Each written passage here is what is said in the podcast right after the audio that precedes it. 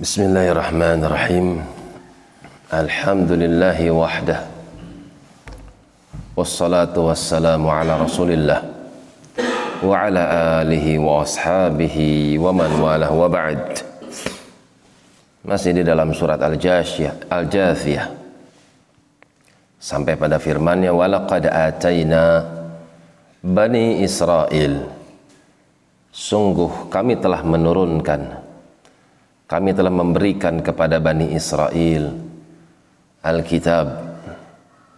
Kitab-kitab. Seluruh kitab diberikan kepada Bani Israel. Kitab-kitab Allah. Injil Taurat Zabur. Diberikan oleh Allah Subhanahu wa taala kepada Bani Israel.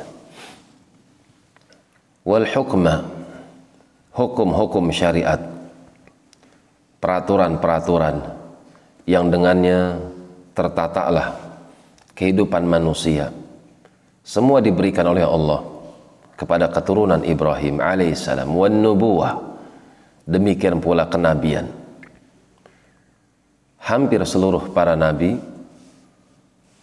itu berasal dari Bani Israel keturunan Yakub alaihissalam di mana Yakub keturunan Ibrahim alaihissalam wa razaqnahum minat tayyibat.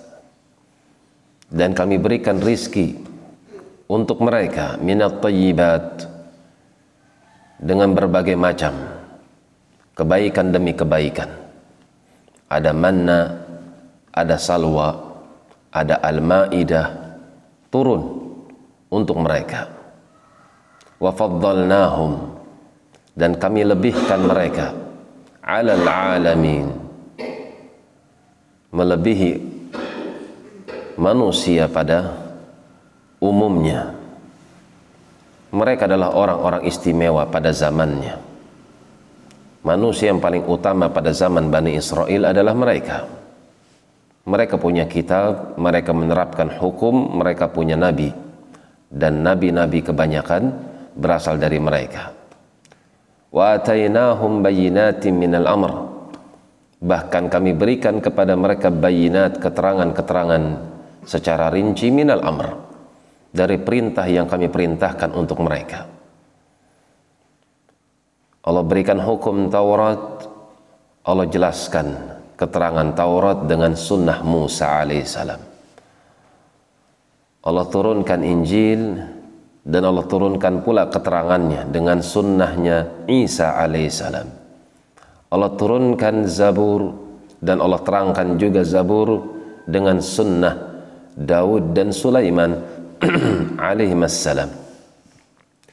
Fama ikhtalafu tidaklah mereka berselisih illa min ba'di ma ja'ahumul ilm kecuali perselisihan tersebut terjadi setelah turun pada mereka ilmu Seorang yang berada di atas ilmu harusnya bersatu, bukan berselisih. Kenapa mereka ketika diturunkan ilmu berupa Taurat justru berselisih? Kenapa mereka ketika diturunkan Zabur justru berselisih? Kenapa ketika mereka diturunkan padanya Injil kemudian diterapkan Injil pada sunnah Musa alaihissalam kemudian ternyata mereka berselisih. Jawabannya bagyam bainahum. Disebabkan karena bentuk-bentuk melampaui batas ekstrim bainahum di antara mereka. Dan ini pun berlaku bagi umat ini.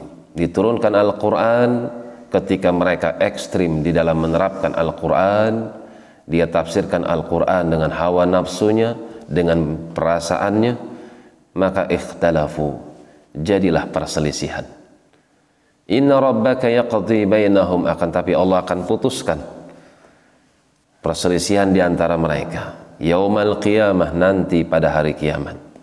Fima kanu fihi yakhtalifun dari apa yang dulu mereka perselisihkan. Maka seorang yang ingin mendapatkan keputusan yang paling terbaik hendaknya dia berucap, hendaknya dia berbuat, hendaknya dia beramal dengan ucapan atau amalan yang dibangun di atas ilmu bukan perasaan, bukan dengan hawa nafsu maka dia akan menjadi orang yang selamat. Demikian wallahu taala alam bissawab